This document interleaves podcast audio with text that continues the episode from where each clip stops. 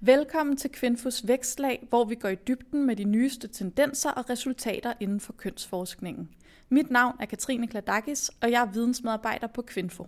Ligesom til vores vækstlagsarrangementer, som vi afholder i samarbejde med Foreningen for Kønsforskning, inviterer vi i denne podcast kønsforskere til at fortælle om deres forskning om køn og ligestilling.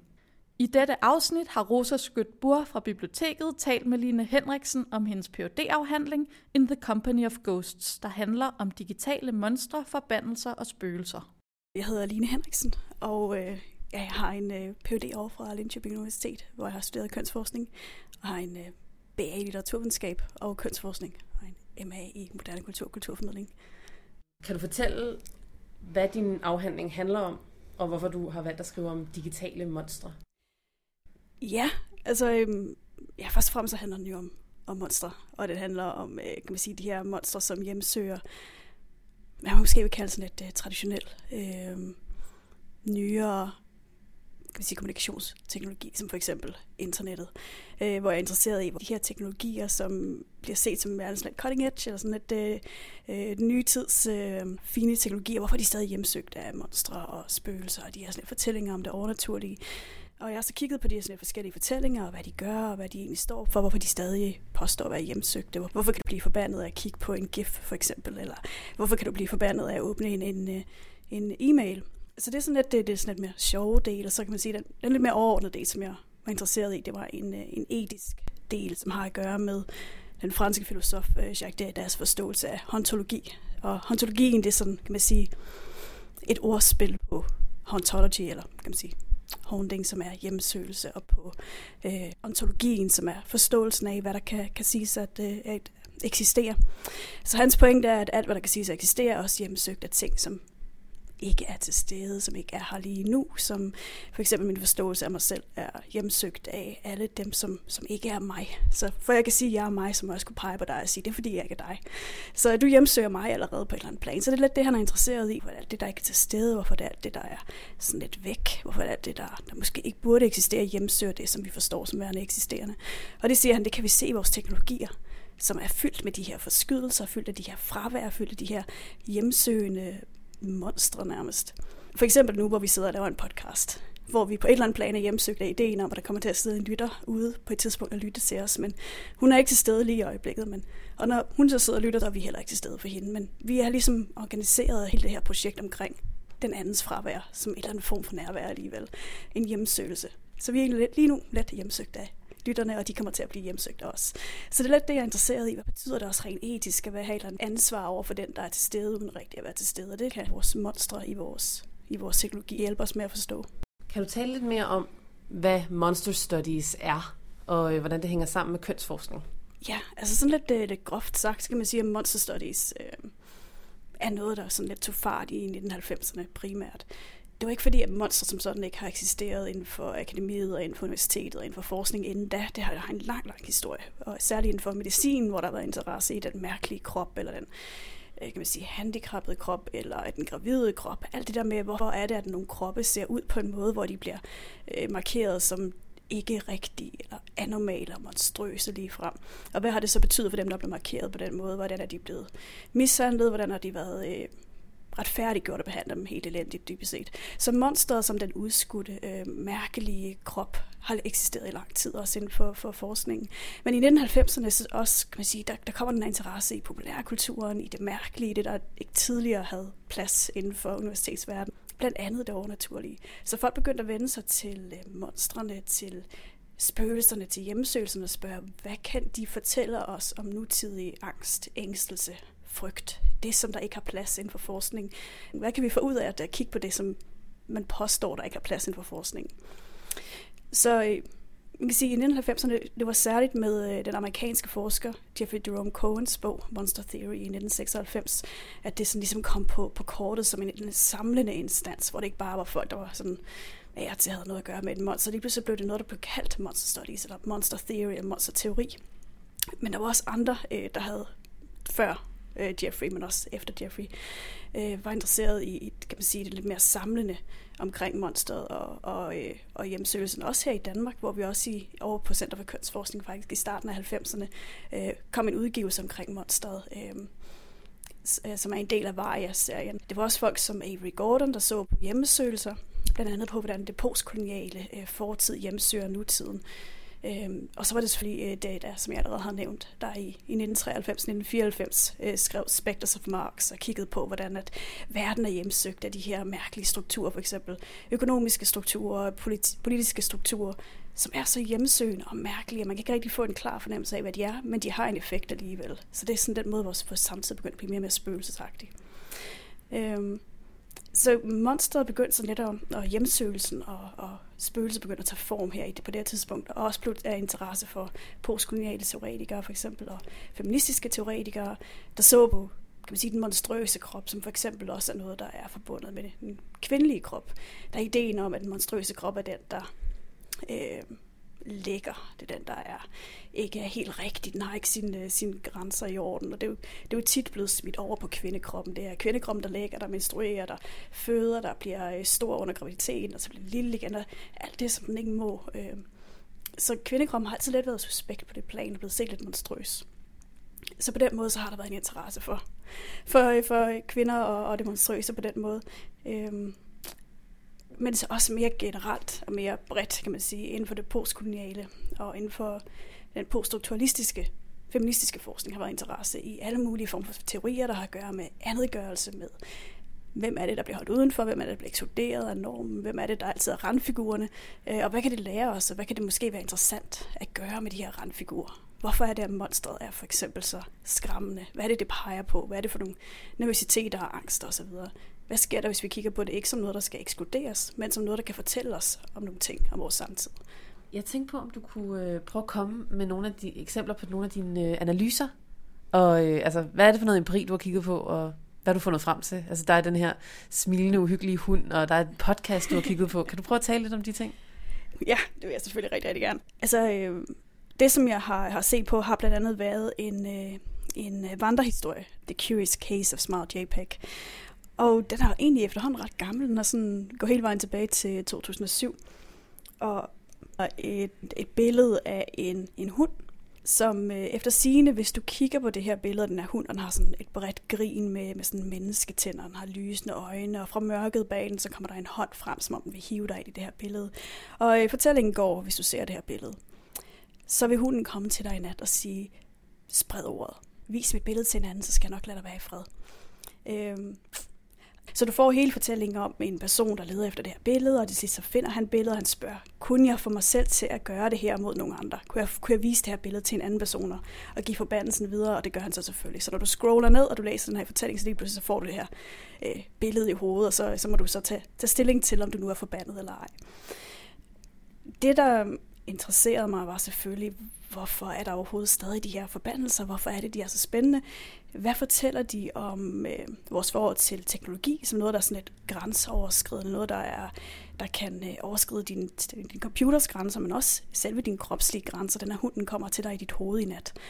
Når jeg viser de her billeder til folk, når jeg er ude til konferencer, når jeg er ude til seminarer, hvordan er det påvirket? Der var nogen, der decideret ikke havde lyst til at kigge på det, og det er jo helt, altså, det er jo helt fair. Og så var der nogen, der kiggede på det, men sådan lidt grinede af det, og synes også bare lige meget. Og det, jeg sådan var lidt interesseret i, det var, at nå, jamen, selvfølgelig så er det jo sjældent, at folk de kom til mig og sagde, at jamen, nu, nu har jeg også mødt den her hund. Den kom, og, og det var præcis sådan, det skete. Det var, det var aldrig sådan, det skete. Men folk kom alligevel til, til mig og sagde, at jeg var en, en påvirkning. Jeg har drømt om den, men det var en anden drøm. Eller. Så jeg er interesseret i, hvad sker der, når du venter på monsteret?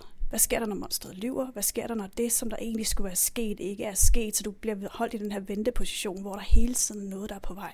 Hvad nu, hvis det kommer i morgen? Hvad nu, hvis det kommer i overmorgen? Hvad nu, hvis det... Så på den måde synes jeg, at øh, forbandelsen er med til at åbne et rum af potentiale. Og det læser jeg sådan lidt som, som netop den her måde at forstå ontologien på, som at leve med noget i, i form for samspil med noget, som ikke har en eksistens som sådan, men du mærker effekten, og du sidder og venter på det, og måske kommer det ikke, eller måske... Så de her forbandelser kan hjælpe os med måske at forstå eller konkretisere noget, der er ret, ret abstrakt, som ontologien for eksempel. Og også stille nogle spørgsmål omkring, hvordan lever vi så på andre, øh, andre øh, tidspunkter, andre øh, øh, områder af vores liv, med ting, som ikke er sket endnu, men som vi venter på, som vi forventer, eller som, som har en effekt på os, som vi ikke kan måle og veje dem. Det var lidt det, jeg ville hen med, med, øh, med øh, de her forbandelser og se, hvordan man kunne inddrage folk på den her lidt måde og, og, og snakke om ontologien lidt mere konkret. Øhm, Og så var der podcasten, du spurgte om. En podcast, der hedder øh, Welcome to Night Vale, som også på mange måder er interaktiv på den måde, at det er et radioprogram, som så taler til dig som, som lytter. Øh, som om du bor i en lille by ude i ørkenen, der hedder Night Vale. Og i Night Vale, så øh, kan man sige, alt det, som vi ser som normalt, det er for dem ofte noget lidt anormalt, eller det mærkværdigt. Alt det, som sker i deres hverdag, det er tit noget, som vi vil sige som virkelig unormalt. Altså, der er dinosaurer i hovedgaden, der er øh, tidvortekser, der går, går amok på en tirsdag, der er øh, kan vi sige, en regering, der altid holder øje med dig fra himlen og fra alle mulige andre steder. Så alt er muligt øh, og bliver set som ret banalt, dybest set. Og det er lidt det, der gør den sådan lidt surrealistisk og lidt mærkværdig og lidt specielt. Og du bliver helt sådan inviteret ind som lytter, som du er også en del af det her. Det, som jeg særlig var interesseret i, det var dens forhold til nattehimlen og til det, som de kalder The Void, eller tomrummet, som hjemsøger hele den her by. Øh, der er altid det, det, må de kigge op imod nattehimlen og sige, at der var intet der, der er ingenting. Øh, og det, som jeg er interesseret i, er selvfølgelig, hvordan det, som vi forstår som intetheden, måske faktisk er med til at producere særlige fortællinger og særlige historier. Måske er der faktisk noget alligevel, og det er det, det, det de er bange for. Øh, de peger ud på intetheden og siger, hvad er der på vej ud af intetheden? Hvad kommer der imod os? Og det, som, som det der vil, blandt andet med ontologien, er at se på etik som noget, der har at gøre med en relation til det, der er på vej. Det, der er umuligt, det som du ikke kan forstå på nuværende tidspunkt, men det påvirker dig alligevel. Så han siger, at for at, at øh, morgendagen virkelig kan være noget nyt, for at den virkelig kan være noget anderledes, så må det, der kommer, det der er på vej, det må være noget, som jeg ikke kan forudse, men som påvirker mig alligevel på et eller andet plan. Så når de peger ud mod intetheden og siger, hvad er det, der er på vej ud af intetheden, så er du allerede på en eller anden plan påvirket af det. Det har allerede, det har en eksistens, men du ved ikke, hvad det er. Og det er det, som, som der er monstrøst. Det er det, som en teoretiker som Data, eller en teoretiker som Margaret Childrick, som også var min vejleder, men også en, en virkelig spændende teoretiker, der har at gøre med monstre, vil sige, det her er det monstrøse virkelig er. Det er i, for, i mødet med det, du ikke kan forudsige, i mødet med det, som du på ingen måde kan forklare, men du fornemmer, at det er på vej alligevel. Og det er der, øh, det møde med det, som du ikke kan forstå, øh, det er der, hvor at, at noget nyt og spændende kan opstå. Fordi det er der, hvor at, at kan man sige, det umulige, det mødes med det mulige på et eller andet plan. Det, der, det, der ikke er her, det, det får en eksistens alligevel. Hvad kunne der komme med fantastiske nye ting? For det, der er også der, der, der kommer lidt politiske, feministiske projekter om, at fremtiden bliver nødt til at være noget helt andet, end hvad den er lige nu, hvis vi skal have en mere retfærdig verden, kan man sige. Men det er umuligt at forestille sig, hvordan den retfærdige verden er, fordi vi har aldrig haft en retfærdig verden. Så den må være monstrøs, den må være mærkelig, den må være fuldstændig uforudsigelig. Det er måder at finde, finde måder at øh, forstå det, der det, der er på vej. Det, som der har en eller anden form for ikke-eksistens. Men som man forstår det som værende noget, der stadig på et eller andet plan har en effekt. Det er fordi, jeg længes efter noget. Det er fordi, jeg gerne vil have tingene anderledes. Det er fordi, jeg peger ud mod intetheden og siger, hvad kan der være på vej? At, at der kan ske noget nyt. Så det med at finde de der sådan lidt billeder på, på, hvordan vi lever sammen med det, som man normalt ellers ikke kan pege på og sige, det eksisterer, fordi det gør det ikke som sådan, men det, det har en effekt alligevel. Noget af det, som, som jeg har arbejdet med, også med den her, som, som blev sådan lidt mere... Øh, er det, det, det, det kom, jeg vidste ikke helt, hvad jeg skulle stille op med det, men, men nu har jeg arbejdet med det, og så stadig, det var lidt sjovt. Det er en, øh, en øh, webserie, som hedder Mushroomland TV, som er en polsk øh, serie der var ikke rigtig nogen, der vidste, hvem der havde lavet den. Nu, nu er sidste øh, afsnit så kommet ud, og den var ikke kommet ud, da jeg skrev. Så på det tidspunkt, der vidste man ikke rigtig, hvem der havde lavet den, hvem der var instrueret, hvem der instruerede den, hvem der var skuespillerne, eller, eller noget som helst. Så den var virkelig mærkelig. Jeg kan kun anbefale folk at, at kigge på den, for den er super mærkelig og super uhyggelig og sådan meget ubehagelig at se på. Den, den ligner et eller andet børneprogram fra 90'erne, sådan tidlig 90'er start, øh, sent 80'er. Så der er en masse ting, der er genkendelige, og samtidig så er verden som sådan en ung pige, dybest set helt forkert, øh, og hendes øjne er dækket af papirsøjne, og hun, hendes øh, medvært er et form for æren, som, som både eksisterer som gipsfigur, og som også eksisterer som, øh, som øh, en tegneserie. Sådan noget. Den er meget, meget mærkelig. Og er på mange måder virkelig et, et øh, udtryk for, hvordan teknologi, når du blander de her forskellige medier, bliver utrolig hjemsøgende og sådan lidt ubehageligt og sådan lidt uhyggeligt. Bliver en eller anden form for arkiv af alt det gamle, som så bliver hævet ind i en nutidig kontekst og hjemsøger os fra fortiden. Øh, noget af det, der interesserede mig, var, at den hed Smile Guide. Så helt smilets øh, guide, eller guiden til at smile. hvilket på mange måder også hørt sammen med den her podcast, jeg så på, øh, Welcome to Night Vale, som på mange måder er en kritik af neoliberal, nutidige forestillinger om, at du skal øh, smile, mens du arbejder, eller whistle while you, while you work, eller sådan noget. Ja, vær glad, mens du gør dit arbejde, og du skal, du skal gøre det for, for ligesom at forbedre dig selv som individ. Øh, hele tiden smile, imens du gør det. Så nogle af monstrene i, i uh, Welcome to Night Vale er de her neoliberale, evigt smilende, evigt positive, evigt motiverende væsener, som dybest set, når de smiler, så vi får aldrig virkelig fortalt, hvad der egentlig sker, men folk bliver dybt rædselslagende. Der er et eller andet, der sker ved deres ansigt, hvor du bare tænder ud over det hele, og øjnene forsvinder. Det hele er sådan meget, meget monstrøst, men vi ved ikke, hvad det er. Præcis ligesom hunden. Så jeg var interesseret i, hvad sker der i smilet? Hvad sker der den her flækkelse af ansigtet, hvor du bare får tænder, og du får det, ind, det indre bliver vendt ud, øh, samtidig med, at det bliver set som et, et udtryk for det glade individ, det vellykkede individ. Og det, det var lidt noget af det, jeg prøvede at bringe de her forskellige ting sammen, netop med hunden, med øh, Welcome to Nightwear, med Smile Guide. Hvor, hvad er det for et neoliberalt monster, der også hjemmesøger os i øjeblikket? Det her evigt smilende monster, der, der også let bliver, bliver den her, hvor du må vende nærmest vrangen ud på dig selv hvordan kan man vende de her øh, smil om, så de faktisk, altså det, det du egentlig gør, når du smiler, når du viser dine tænder, der du viser dit, dit øh, kranie. Du viser dit skelet. Du viser øh, nærmest på en middelalderlig måde et memento mori, hvor det kranie jo netop er det, der skulle minde os om, at vi skal faktisk dø. Så spørgsmålet er, hvis, hvis du ved, at du skal dø, og du på et eller andet tidspunkt, så er det her slut. Øh, hvorfor, hvorfor er det, at, at vi, vi skal være så forbandet glade hele tiden, og, og arbejde hele tiden, og sådan lidt noget andet, jeg også kiggede på, det her smil, som var alle steder. Hvorfor er det, at monstre smiler? Fordi det gør de meget. Altså når du kigger på, på monstre, eller på, øh, om det så er menneskelige øh, monstre, eller om det er øh, andre former for, for væsener, så er der altid det der grin, og det der smil, hvor du ikke rigtig ved, hvad det egentlig handler om. Og hvor det burde være forbundet med noget sjovt, eller noget hyggeligt, eller en eller anden form for forbindelse, så bliver det her, her vendt lidt ud. Og det er det, monsteret kan gøre. Det, som, som man bliver set på som som øh, kan man sige, det der ses som normalt, eller, eller rart, eller venligt, eller høfligt. Lige snart du monsteret gør det, eller viser det tilbage, spejler det tilbage til, og så kan vi se, ups, der er noget på spil her. Der er, der er et eller andet, der, der kommer det monstrøse, der kommer alt det, vi troede, at man bare kunne tage for givet. Det er lige pludselig, når monsteret viser det tilbage til os, så, så er der faktisk noget, noget på spil der, vi ikke rigtig havde set i forvejen.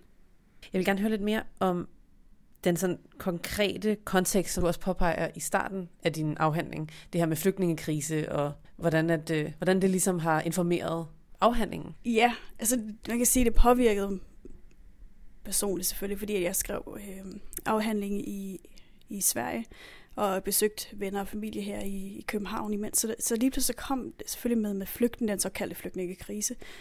Øh, så kom der det her ID-kontrol, hver gang jeg skulle tilbage til København, eller hver gang jeg skulle tilbage til Sverige, så lige pludselig var der den der kontrol, og der var mennesker, der blev smidt af togene, og det var, det var dybt ubehageligt, og samtidig ved jeg jo, at jeg kunne se, at det skete for andre mennesker. Jeg kunne virkelig, det var dybt ubehageligt at sidde med.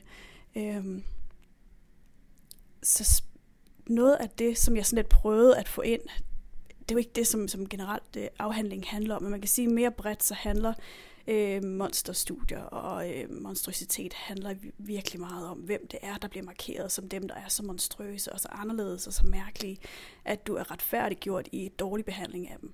Og det kan man jo se, det er virkelig det, der sker. Øh, både lige da krisen begyndte, men også nu stadig er der jo stadig den her proces for, at Danmark for eksempel er, er i gang med at definere, hvem er det, der er så anderledes som monstrøse, at, at vi, det er okay, at vi sender dem tilbage til lande, hvor at de bliver tortureret dårligt behandlet, øh, hvordan vi splitter familier op, sender dem i hver deres øh, retning. Hvorfor er det, at det er en okay ting at gøre mod andre mennesker? Det er jo fordi, du har, du har monstrøst, monstrøst gjort dem, eller monster gjort dem på, til, til et plan, hvor at, at der er ikke nogen, der ser på dem som medmennesker mere, eller hvor du har et solidarisk etisk ansvar over for dem. Og øh, altså sådan en som øh, en øh, forsker som Maria Mortensen blandt andet, som jo også har forsket, øh, har taget en Ph.D. i smerteforskning, har jo også været ude og skrive artikler om, at, at øh, flygtninge og indvandrere blev set på som nogen, der ikke føler smerte på samme måde som alle os andre, alle de rigtige mennesker. Og det er jo en lang diskurs, der har at gøre med slavearbejdet i USA og så videre, hvor slaverne også blev set som nogen, når det ikke de føler ikke smerte, som rigtige mennesker gør. Så derfor er det okay at piske dem, det er okay at gøre alt det her, du vil. Det er en måde at sørge for, at du ikke behøver at have empati med andre, på samme måde som du skal have empati med din hvide nabo.